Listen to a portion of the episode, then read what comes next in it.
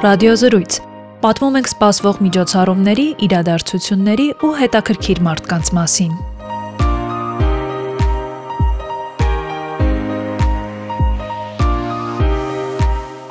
Հայաստանը բացառիկ հաջողություն է գրանցել փաթեթավորման միջազգային մրցույթում։ Լոնդոնյան Pentawords-ին տարեկան ներկայացվում է մոտ 2000 նախագիծ աշխարհի տարբեր երկրներից։ Հայաստանը ներկայացնող Backbone Branding ընկերությունը ստացել է միանգամից 11 մրցանակ, որից մեկը հատուկ։ Իդեպ սա ընկերության առաջին հաղթանակը չէ այս մրցույթում, բայց ամենախոշորն է։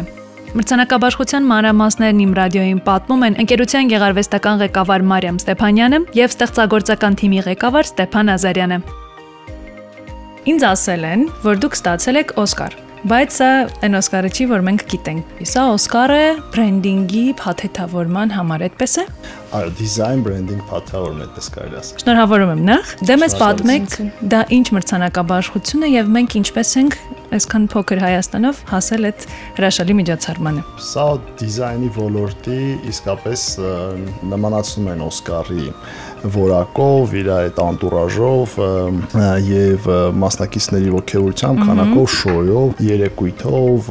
մրցանակ տալու այդ մրցանակը բաշխության ներկա ներկայանալու ձևով, հա, սենց էլ։ Կարմիր գորգ, գեղեցիկ Հա, այո, այո, այո։ Ասենք ատարես տարի, ասենք ավելի խենթ հակուսներ կարող հակնել այդեն զարմացնելու, բան։ Իհարկե ոչ Օսկարի հոլիվուդյան, ասենք այդ ինչ-որ միտեղ նաև ամենաթողության մակարդակով, բայց ասենք ինքը իր ձևով հետաքրքիր աշխատանք։ Ամեն տարի է նախ տեղն ունենում սա, ամեն տարի տարբեր երկրներում, տարբեր մեգապոլիսներում մենք մասնակցում ենք արդեն 9 տարին կամ 8 տարի այդպես կարելի ասել, մի տարի չենք մասնակցել 13 թվականից, անգամ եղել ենք 19 թվականին առաջին անգամ տարվա լավագույն ընկերություն։ Դա մրցանակների քանակական եւ որակական համագումարով է որոշվում, ոնց որ բալերով է հա որոշվում։ 20 թվականին նույնպես դարձանք տարվա լավագույն ընկերություն, իրանց ասելով դա իրանց ոնց որ մրցանակաբաշխության պատմության մեջ առաջին անգամ ասած դեպք, որ մի ընկերություն երկու տարի անընդմեջ դառնա տարվա լավագույն ընկերություն։ Հրաշալի է, սա ֆանտաստիկ արդյունք։ 21 թվականին դարձանք լավագույն ընկերությունների շարքում, հա, ասենք լավագույն ամենաշատ մրցանակներ շահած ընկերությունների շարքում այս տարի ռեկորդ սահմանեցինք եւ ստացանք Core Design Award, այսինքն ամենաշատ մրցանակներ ստացած ընկերություն։ Եվ Մարիամ, մի քիչ պատմեք բովանդակության մասին։ Ինչ է իրանից ներկայացնում այս մրցանակաբաշխությունը որպես բովանդակություն։ Ոնց որ նեղ մասնագիտացված է հենց փաթեթավորման դիզայնի ուղղությամբ։ Եվ դուք ներկայացնում եք որպես ընկերություն հայկական արտադրողին ոչ միայն հայկական, նաև մենք համագործակցում ենք միջազգային տարբեր ընկերությունների կամ պատվիրատուների հետ։ Այս տարի ստացել եք լիքը մրցանակներ։ Անցնենք հերթով։ Տեղական բրենդերից ոսկե մրցանակ ստացավ Անի յոգուրտով։ Էլի ունենք ոսկե այս տարի։ Հա 5 ոսկե ունենք, 2 արծաթ, 3 բրոնզ եւ 1 այդ core award-ը, որի մասին Ստեփանը քիչ առաջ նշեց։ Տեղական էլի մեր բրենդերից ոսկե մրցանակ էր տարել հաթերք մեղրը։ Արցախի հենց հաթերք գյուղի բրենդը Հաթեր գյուղի մեղրն է։ Շատ գեղեցիկ է այսնոր փաթեթավորումը, շատ գեղեցիկ է, ֆանտաստիկ է եւ իզուր չի որ ոսկե է ստացել նաեւ միջազգային ասպարեզում։ Նաեւ մի ռեդիզայն տեղականներից էլի մի ռեդիզայն պրոյեկտ ոսկե մրցանակ ստացավ, խոսքը Ջոյկոյի շոկոլադապատ չրերի մասին է։ Արդեն 8-9 տարի մասնակցում եք, առաջին տարին հայտնվել ես մրցանակաբաշխության անվանակարգերում դժվար էր։ Հետո բնական է դες արդեն ճանաչում են եւ դուք նաեւ ժյուրի անդամ եք այս տարի եղել եւ ստացվում է այնպես որ մեզ արդեն ճանաչում են նաեւ այս ասպարեզում, սա իհարկե հրաշալի է, բայց առաջին անգամ այնտեղ գնալ եւ հայտ ներկայացնել հեշտ էր արդյոք հեշտ է հայտ ներկայացնելը, շահելը դժվար, այսինքն ոնց է որոշվում աշխատանքը պետք է լինի համապատասխանի այդ չափորոշներին, կրիտերիաներին եւ մեր առաջին աշխատանքը դա նույնպես մերի փաթեթավորումն էր, մեր առած առաջին մերի փաթեթավորումն էր BZ Python գավառներով, մի խոսքով դա դա շահեց ոսկի եւ հաջորդ տարին մենք շահեցինք ոչ մի բան որովհետեւ շատ հետաքրքիր բան տեղի ունեցավ։ Մենք ասենք հավեսի ենք ընկել, գիտենք տենց է դիրնի ամեն ինչ մի շահենք, բան հա։ Ու այդ դժվարությունը այդտեղ էր, որ հաղթ հասկացանք, պիտի հաղթահարենք մի բարդություն, որ պիտի սարքենք սա անընդհատ է, հա, պերմանենտ ու ու դրա համար հասկացանք պիտի մեծ ջանքեր ներդնենք անընդհատ բարձրացնենք որակավորումը, բերեց դրան, որ տարես տարի մենք մեզ կարասեր ռեկոմեր ռեկորդները գերազանցում ենք բայց ասեմ որ նպատակը մրցույթներին շահելը չի եղել եւ մեր աշխատանքով մենք չենք ձգտում մրցույթների մասնակցենք հա մեր նպատակն էր ի սկզբանե սկզբից Հայաստանի տնտեսության համար լինել պետքական ընկերություն եւ Հայաստանի տնտեսության որակը բարձրացնել հա արտահանվող ապրանքների միջազգային բրենդավորման մակարդակի հասցնել եւ սա արդեն տվեց իր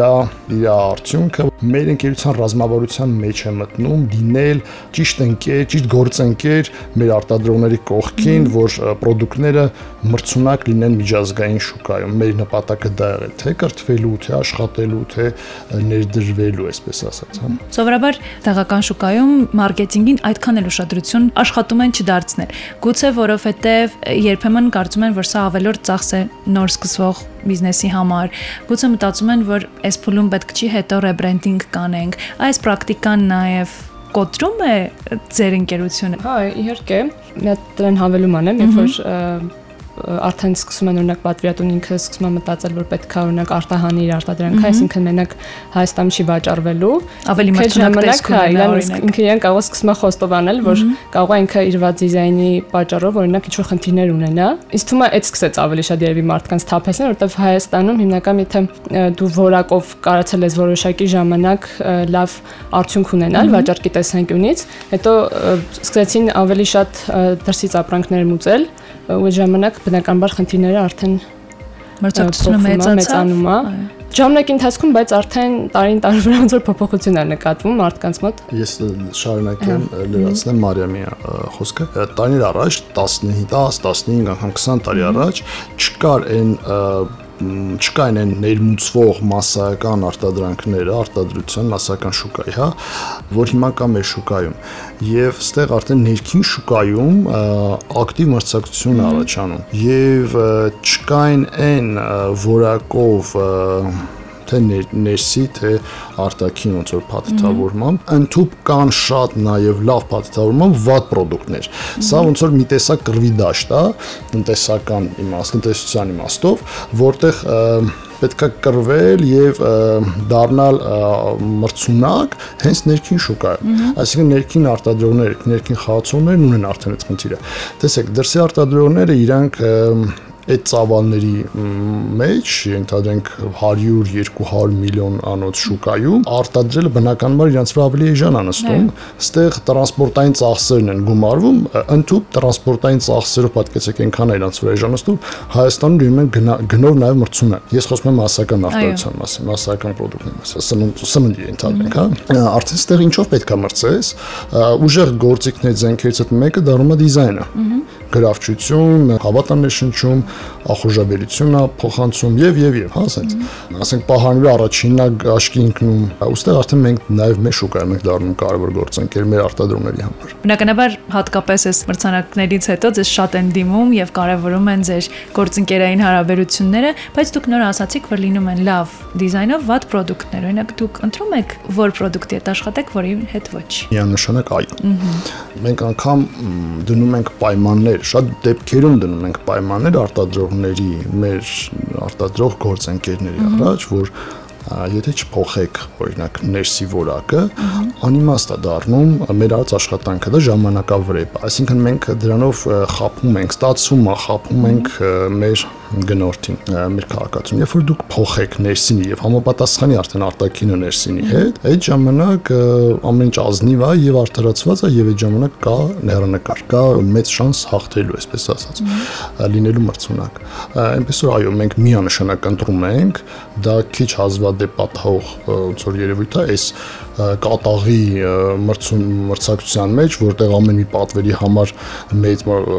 կատաղի մրցակցություն է գնում, բայց մենք տարիներ առաջ այդ որոշումը կայացրեցինք դուրս գալու էս օվկիանոսից, այսպես ասած Կարմիր օվկիանոսից գնացինք Կապույտ օվկիանոս, որտեղ եւ մեծ հնարություն է տրվում ընտրելու, հա, ասած ընտրության հնարավորություն մեզ տրվում։ Ընթացքում ուզում եմ հասկանալ, մի տարի աշխատում եք, դիզայն եք անում, բրենդավորում եք ընկերություններին։ Այդ ընթացքում այդ միտքը անդադ գալիս է։ Միշտ ուզել եմ այդ հարցը տալ նաև Օսկարակի ռեժիսորներին օրինակ, իրենք ընթացքում հասկանում են, որ իրենց ֆիլմը պիտի Օսկարի արժանանա կամ հատուկ դրա համար որևէ բան անում են, հիմա ձերն է։ Անում եք թե չէ քանի դեռ իրենց չունեմ այդ հնարավորությունը հարց տալու։ Դե հա, մենք իրական տենց կոպիտ ասած ստոպ չենք տալի մեր աշխատանքի մեջ, այսինքն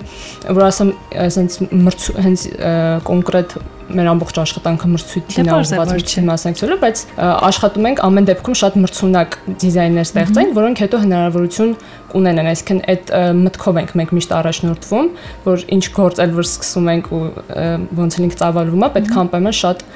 մրցունակ լինի ու չզիջի։ Հետո ստեղ սիներգիկ էֆեկտն է աշխատում, երբ նոր պատվիրատուն կամ արդեն ընթացիկ գործընկեր պատվիրատուն